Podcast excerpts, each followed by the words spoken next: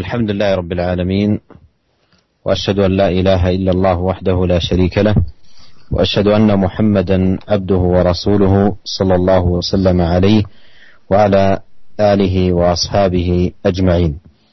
أما بعد فهذا أفاد ما ترجم له المصنف فضل الضعفة من المسلمين. نعم. Bismillahirrahmanirrahim. Alhamdulillah segala puji bagi Allah Subhanahu wa Rabb semesta alam. Aku bersaksi bahwasanya tidak ada sesembahan yang berhak disembah kecuali Allah taala, tidak ada sekutu baginya dan aku bersaksi bahwasanya Muhammad adalah hamba dan juga utusannya.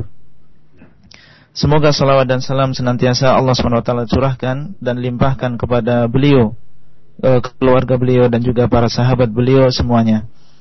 Para pendengar yang dimuliakan oleh Allah Subhanahu wa taala masih kita bab keutamaan orang-orang yang lemah dari kalangan kaum muslimin dan juga orang-orang fakir miskin di kalangan mereka dan kita sudah membaca beberapa adillah, beberapa dalil ya di dalam bab ini e, dan sampailah kita kepada e, penutup dari bab ini dan masih tersisa dua hadis yang insya Allah akan kita baca pada hari ini.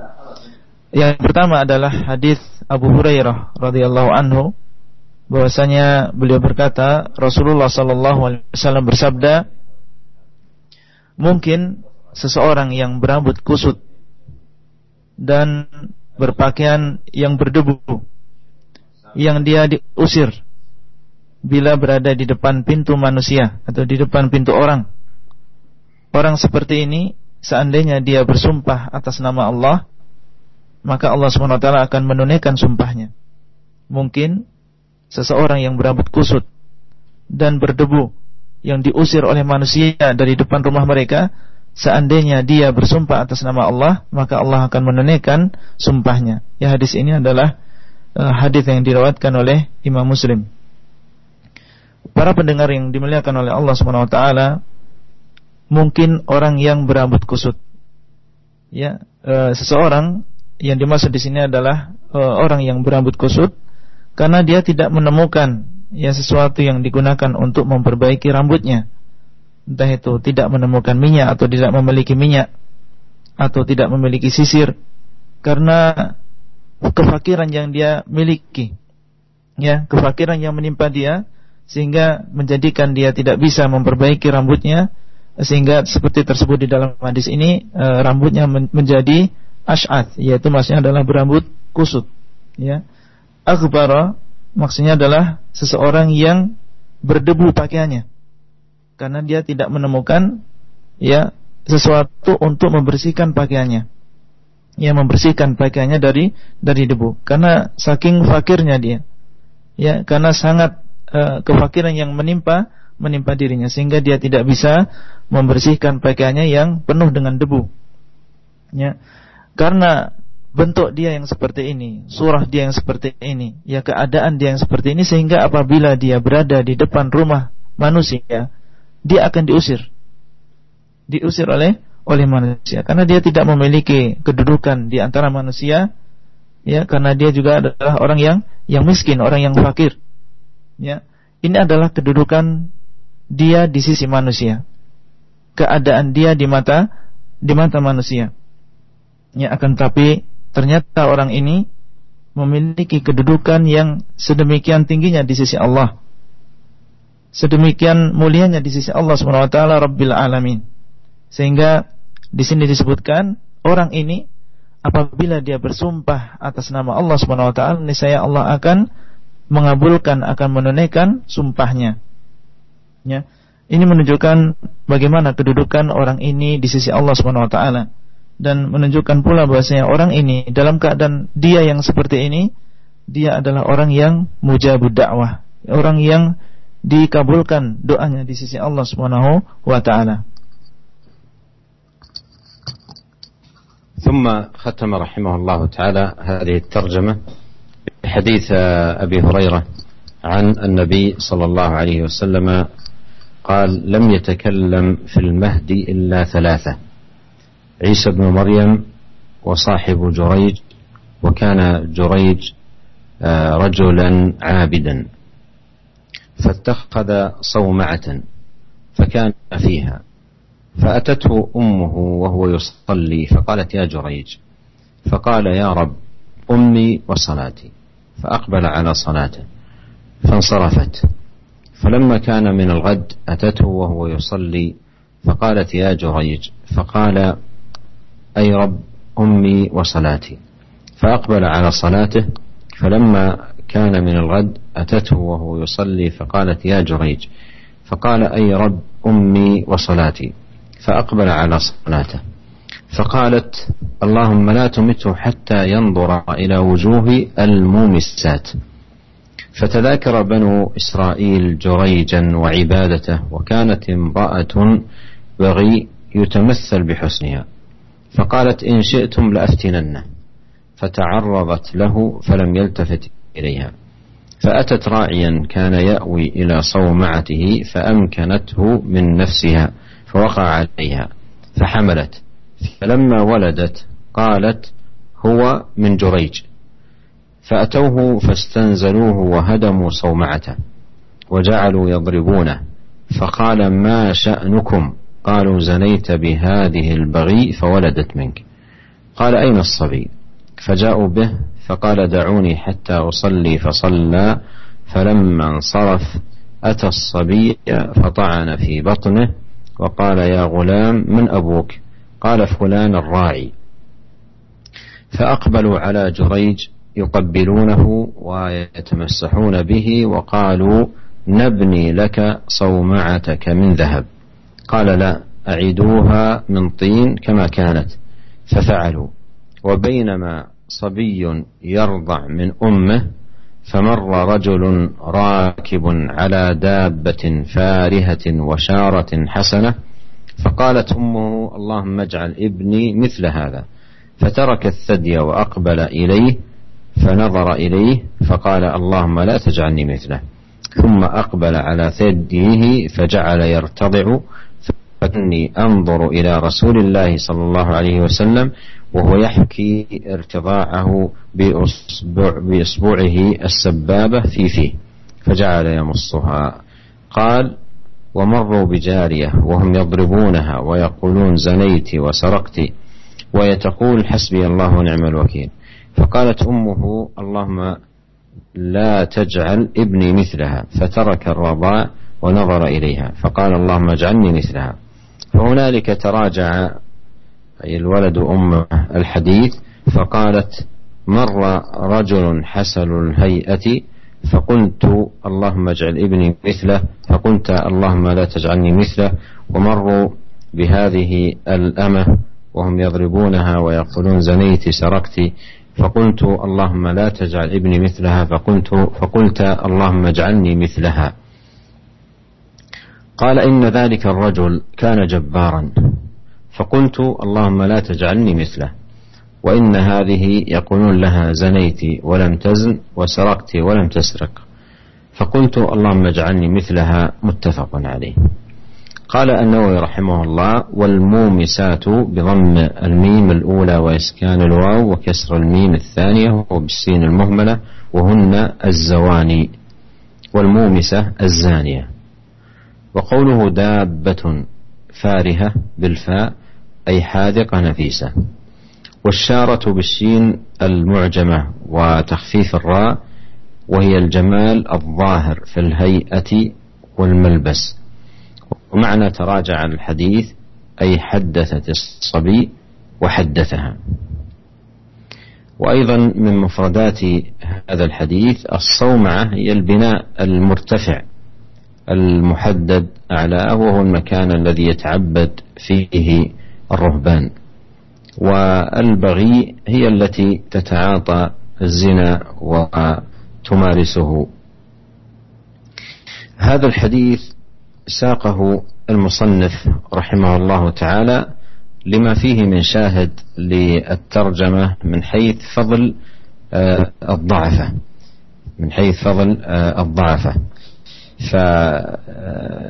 فعندنا في ال في ال هذا الحديث موضعان يفيدان ذلك.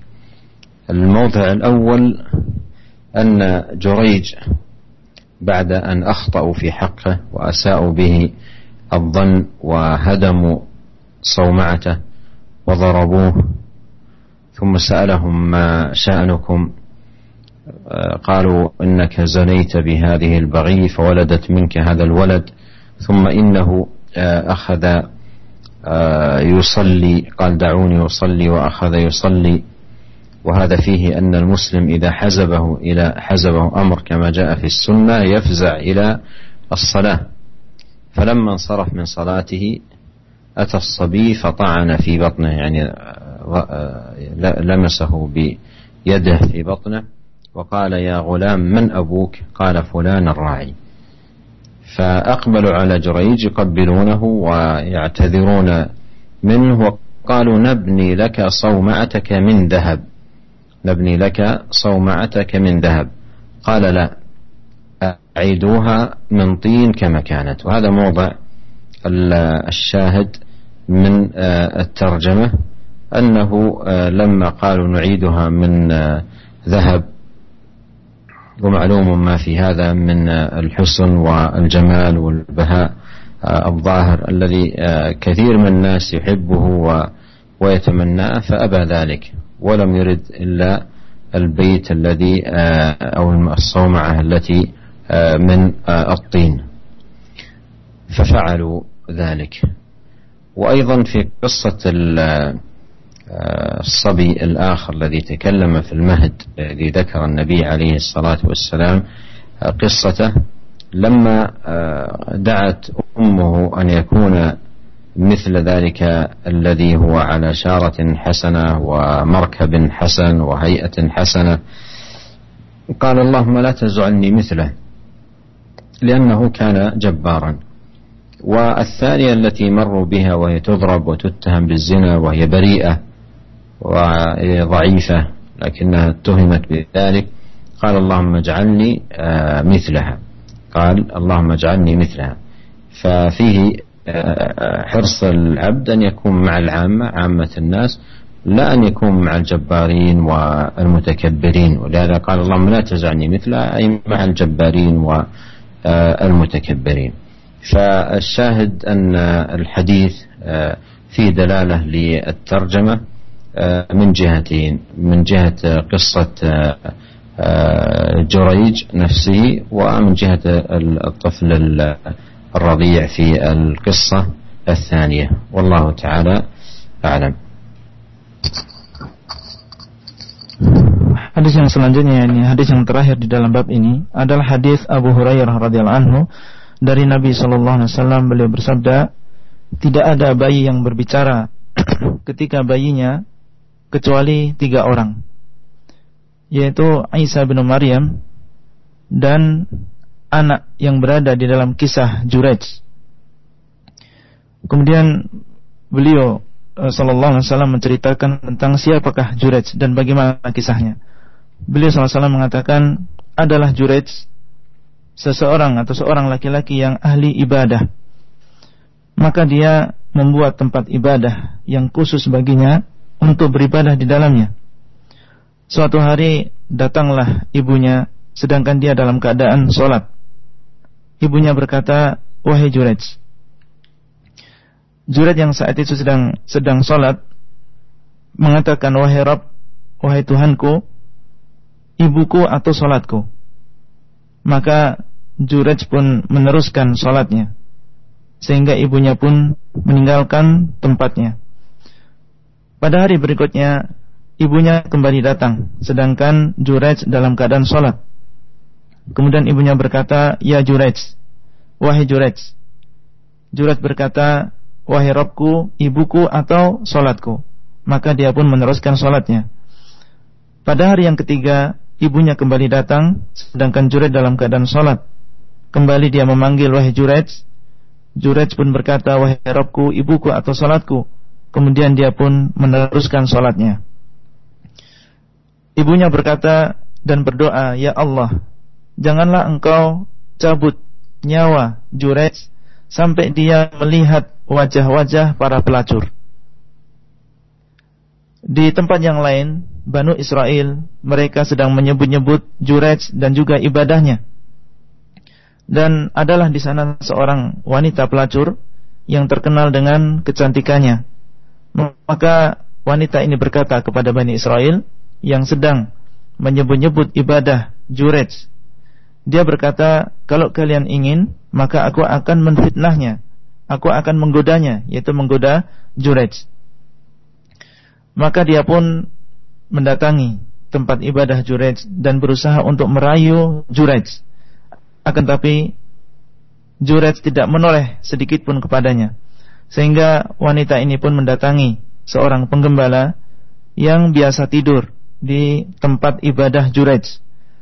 Kemudian dia menyerahkan dirinya kepada penggembala itu dan akhirnya e, penggembala itu berzina dengan wanita pelacur ini. Hingga dia pun hamil. Ketika dia melahirkan anak, maka wanita pelacur ini mengatakan bahwasanya anak ini adalah anak Jurej.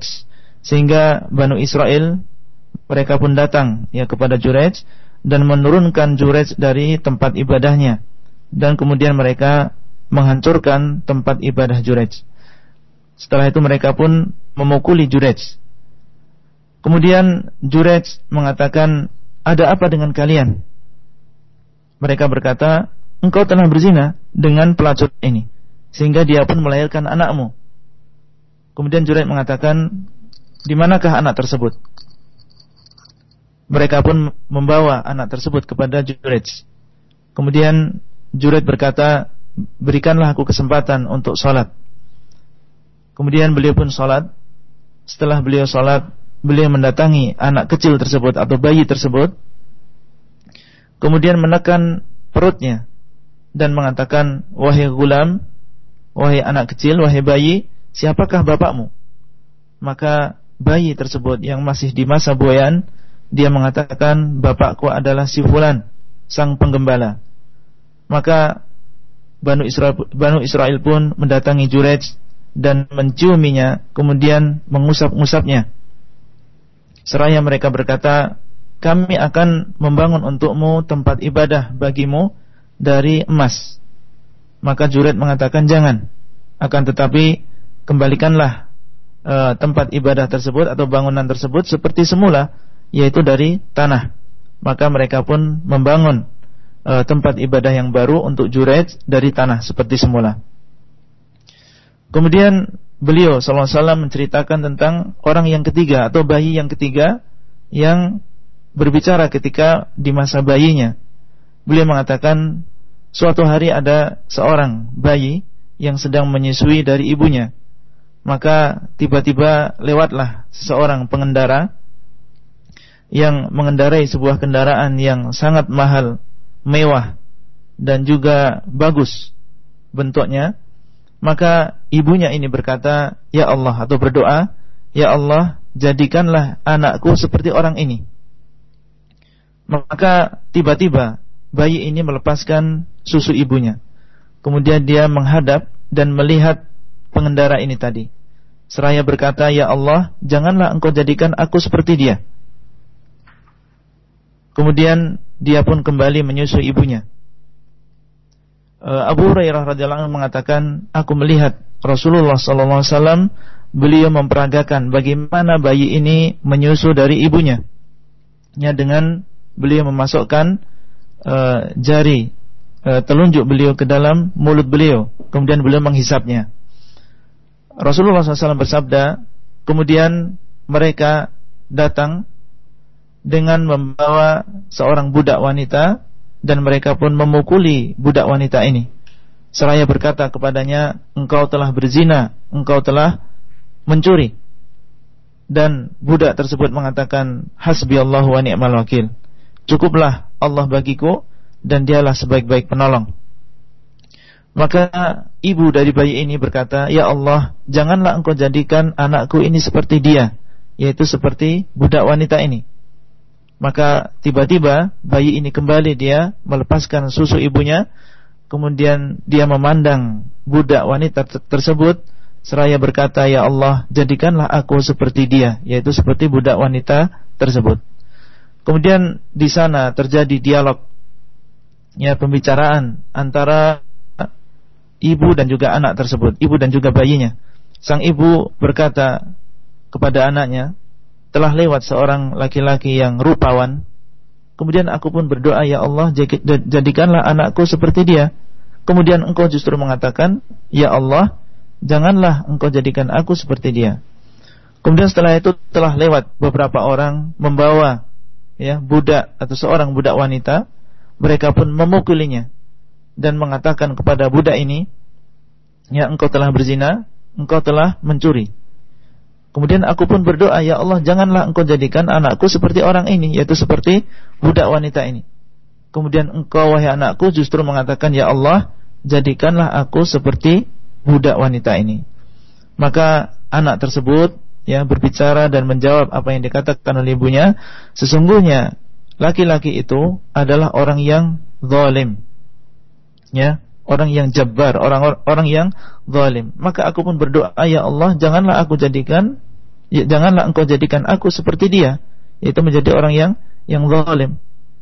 Adapun wanita ini atau budak wanita ini, mereka telah menuduh dia dengan zina, padahal dia tidak berzina. Menuduh dia dengan mencuri, padahal dia tidak mencuri maka aku pun berdoa kepada Allah, ya Allah jadikanlah aku seperti dia.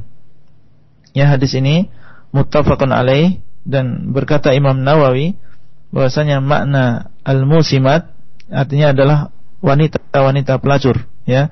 Kemudian makna dari dabbah farihah maksudnya adalah uh, kendaraan yang sangat mahal ya dan makna dari asyarah adalah uh, kendaraan yang sangat cantik ya baik bentuknya maupun pakaiannya ya kemudian makna dari taraja al hadis maksudnya adalah uh, terjadi dialog di antara ibu dan juga anaknya. Jadi anak berbicara dengan ibunya dan ibunya pun juga berbicara dengan anaknya. Ya wallahu alam. Ini adalah ucapan Imam Nawawi dan di sana ada kalimat lain yang perlu kita terangkan. Uh, makna dari sauma'ah. Ya saumah ini adalah tempat ibadah yang tinggi.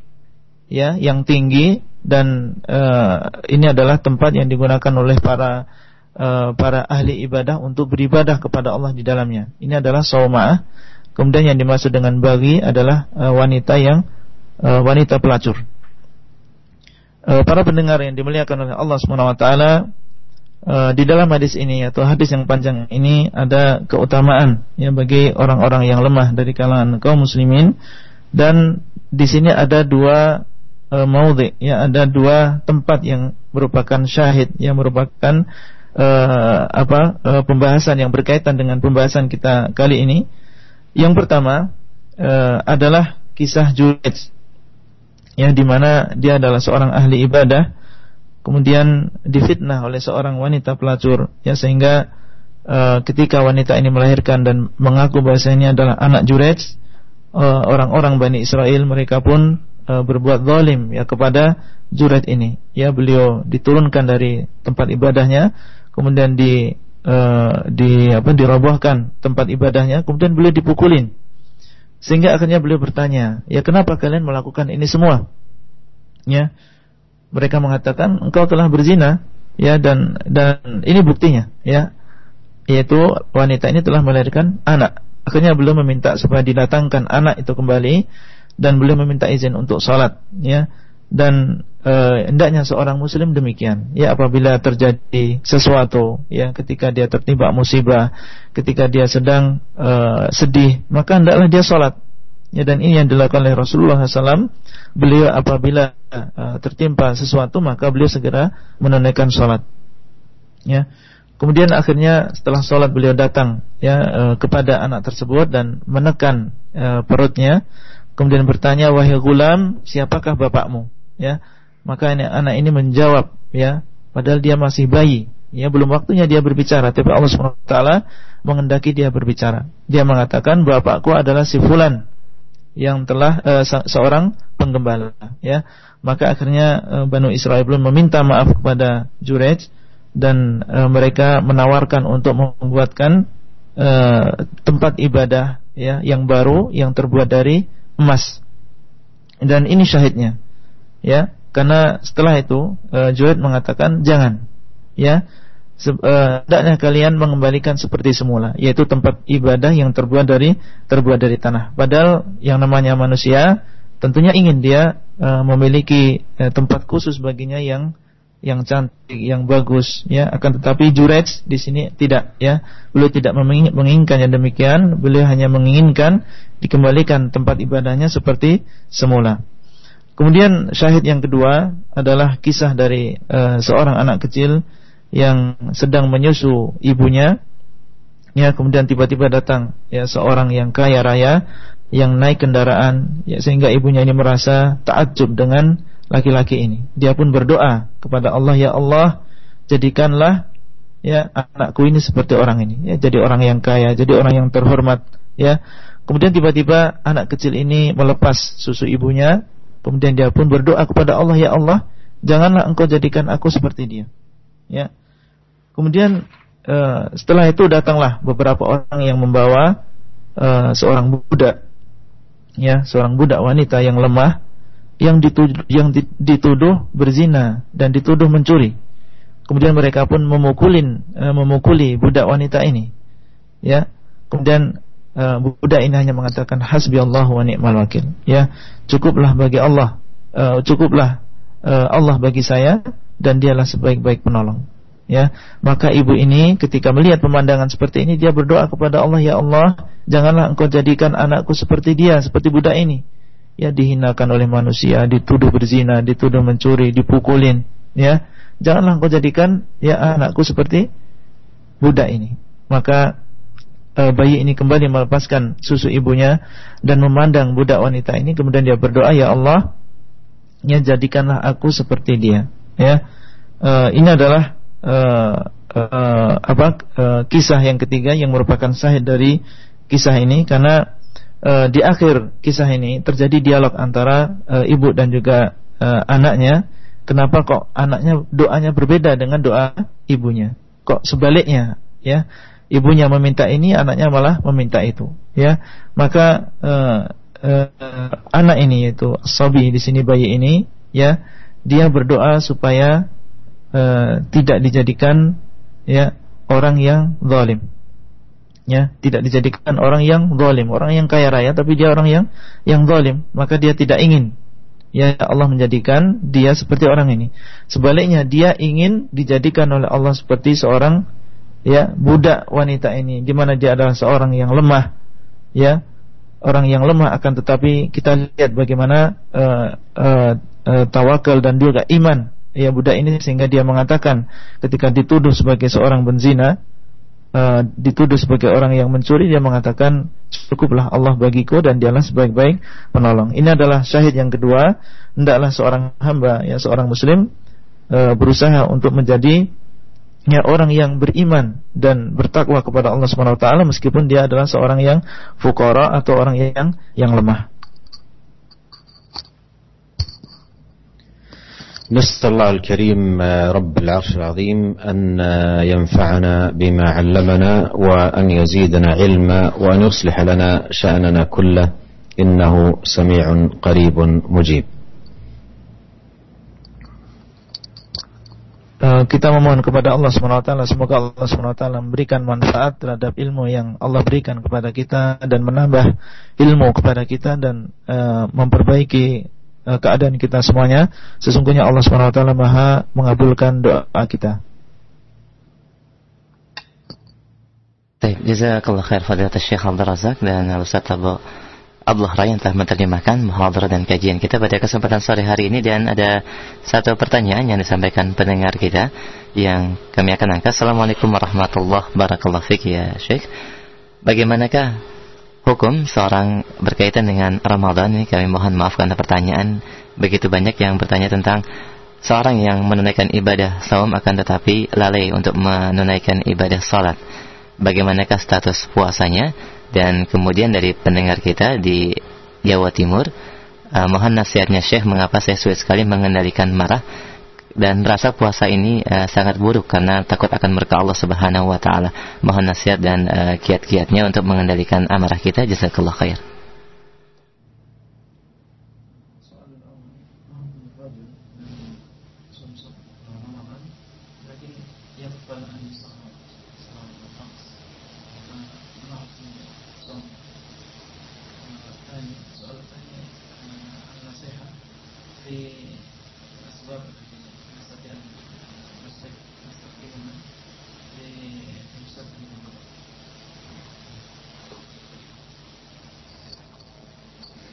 أولا فيما يتعلق بالسؤال الأول فمن المعلوم أن هذه الفرائض جاء جاءت مشروعيتها مرتبة حسب الأهمية فكان أول ما فرض التوحيد وبقي الأمر على ذلك السنوات ثم فرضت الصلاة قبل الهجرة قبل الهجرة بثلاث سنوات.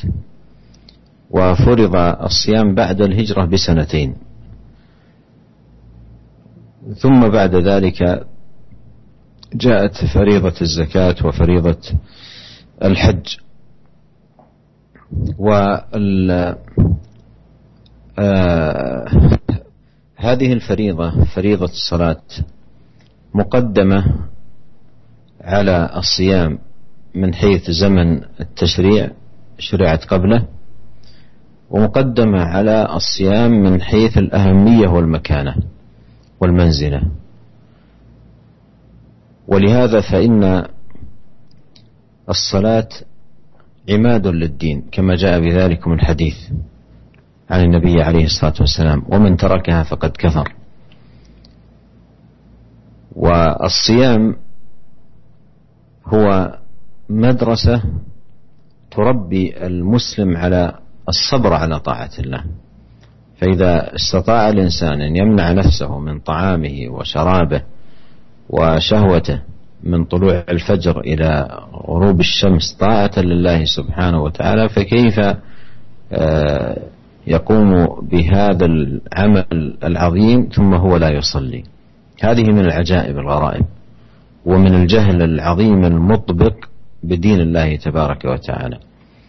وعلى كل فالصلاة أساس وعماد للدين والأعمال تتوقف في قبولها على الصلاة. فمن كان تاركا للصلاة من كان لا يصلي فإن تركه للصلاة وعدم قيامه بها كفر في أصح قولي أهل العلم لكثرة الدلائل والشواهد على ذلك.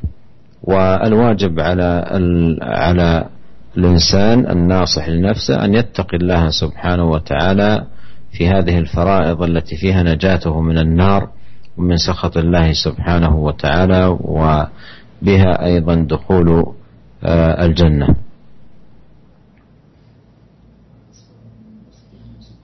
أما الأسباب التي آه، تتعلق بالإمساك عن الغضب فالموضوع يطول وسبقا تحدثت عنه مطولا في دروس ماضية لكنه يمكن آه، أن يلخص في آه، ثلاث نقاط. الأول المبادرة إلى الاستعاذة بالله من الشيطان الرجيم لأن الشيطان يحضر المسلم عند غضبه. والأمر الثاني يتعلق بلسانه ألا وهو أن يسكت وقت الغضب. كما قال عليه الصلاة والسلام إذا غضب أحدكم فليسكت. الأمر الثالث يتعلق بجوارحه بحيث أنه آه، يمتنع عن آه، أن يفعل شيئا وقت الغضب. إذا غضب أحدكم فليجلس يقول عليه الصلاة والسلام فإن سكن غضبه وإلا فليضطجع. ونسأل الله الكريم أن يوفقنا أجمعين للعلم النافع والعمل الصالح إنه تبارك وتعالى سميع قريب مجيب والسلام عليكم ورحمة الله وبركاته Waalaikumsalam warahmatullahi wabarakatuh wa jazakallah khair ya Syekh. Uh, ya, uh, pertanyaan yang pertama adalah tentang hukum orang yang melakukan ibadah puasa sementara dia sendiri melalaikan sholat lima waktu. Maka apakah status uh, puasanya Uh, jawaban dari Syekh Hafizullah Ta'ala seperti yang kita ketahui bersama bahasanya uh, faraid ini yaitu kewajiban-kewajiban di dalam agama ini ya telah datang kepada kita dengan tertib ya secara berurutan ya. Yang pertama adalah tauhid. Tauhid ini yang pertama kali diwajibkan kepada kita. Ya Rasulullah SAW telah bertahun-tahun ya selama 10 tahun pertama beliau senantiasa berdoa, e, berdakwah mengajak manusia kepada tauhid. Ya. Kemudian setelah itu baru salat lima waktu yang diwajibkan kepada kita tiga tahun sebelum hijrahnya Rasulullah SAW. Ya. Kemudian setelah itu baru puasa Ramadan, ya, yang e, diwajibkan kepada kita e, e, tahun e, dua tahun sebelum e, dua, e, setelah e, e, tahun kedua dari tahun kedua dari hijrahnya Rasulullah Sallallahu Alaihi Wasallam. Ya, baru setelah itu diwajibkan zakat dan juga haji. Ya, oleh karena itu dari sini kita mengetahui bahwasanya al-fariḍah e, kewajiban puasa ini atau kewajiban e, salat ini lebih afdol daripada kewajiban puasa dari dua segi. Yang pertama dari zaman tasyri' ya, karena salat ini dari segi zamannya lebih dulu diwajibkan kepada kita daripada puasa. Ya, salat lebih dulu diwajibkan daripada puasa. Kabarkan oleh Rasulullah SAW, maka barang siapa yang meninggalkan salat ini, maka dia akan kufur. Menurut pendapat yang sahih dari dua pendapat ulama. Dan yang namanya puasa ini adalah e, madrasah. Ya, tempat kita untuk e, mendidik diri kita untuk senantiasa taat kepada Allah. Apabila seseorang mampu untuk menahan makanan, bisa menahan e, minum, ya dari terbit fajar sampai teng tenggelam matahari, ya maka bagaimana dia tidak mampu melaksanakan sholat ini? Ya, tentunya ini adalah sebuah kebodohan di dalam agama. Ya, e, yang jelas yang namanya sholat adalah e, e, apa e, tiang agama dan e, kita tahu bahasanya orang yang meninggalkan sholat ini menurut pendapat yang sahih dari dua pendapat ulama hukumnya adalah kafir ya oleh karena itu kewajiban seorang muslim adalah bertakwa kepada Allah Subhanahu wa taala e, di dalam kewajiban-kewajiban ini karena dengan melaksanakan kewajiban-kewajiban ini kita akan mendapatkan ridha dari Allah Subhanahu wa taala dan juga akan masuk surga. Ya, e, e kita lanjutkan ya yang kedua, pertanyaan yang kedua adalah meminta nasihat bagaimana kiat-kiat untuk mengendalikan amarah ya. Syekh Hafizullah mengatakan uh, bahwasanya uh, berbicara tentang masalah kiat-kiat untuk mengendalikan diri dari uh, amarah ini pembicaraan yang panjang. Dan alhamdulillah sudah kita sebutkan pada kesempatan uh, suatu kesempatan yang dulu. Tapi akan kita ringkas ya bahasanya untuk mengendalikan uh, amarah bisa kita ringkas dengan uh, tiga sebab atau tiga kiat. Yang pertama adalah kita memohon uh, perlindungan dari Allah Subhanahu wa taala dari setan. Ya, kita beristiadah. Ya, kalau kita mau marah maka segera kita meminta perlindungan ya kepada Allah Subhanahu wa taala dari dari dari setan. Ya, kemudian uh, kita tahan lisan kita. Ya, sebagaimana sabda Rasulullah SAW, apabila salah seorang di antara kalian marah, maka hendaklah dia diam. Ya, maka kita tahan lisan kita supaya jangan berbicara sepatah kata pun. Ya, Kemudian yang ketiga, kita tahan jawareh kita, kita tahan anggota badan kita yaitu dengan merubah posisi. Ya, seandainya kita dalam keadaan berdiri, maka kita duduk. Kalau kita dalam keadaan duduk, maka segera kita berbaring. Ya, dengan tiga cara ini, insya Allah kita akan e, bisa mengendalikan amarah kita dan itulah yang bisa kita sampaikan. E, wallahu taala alam. Wassalamualaikum warahmatullahi wabarakatuh.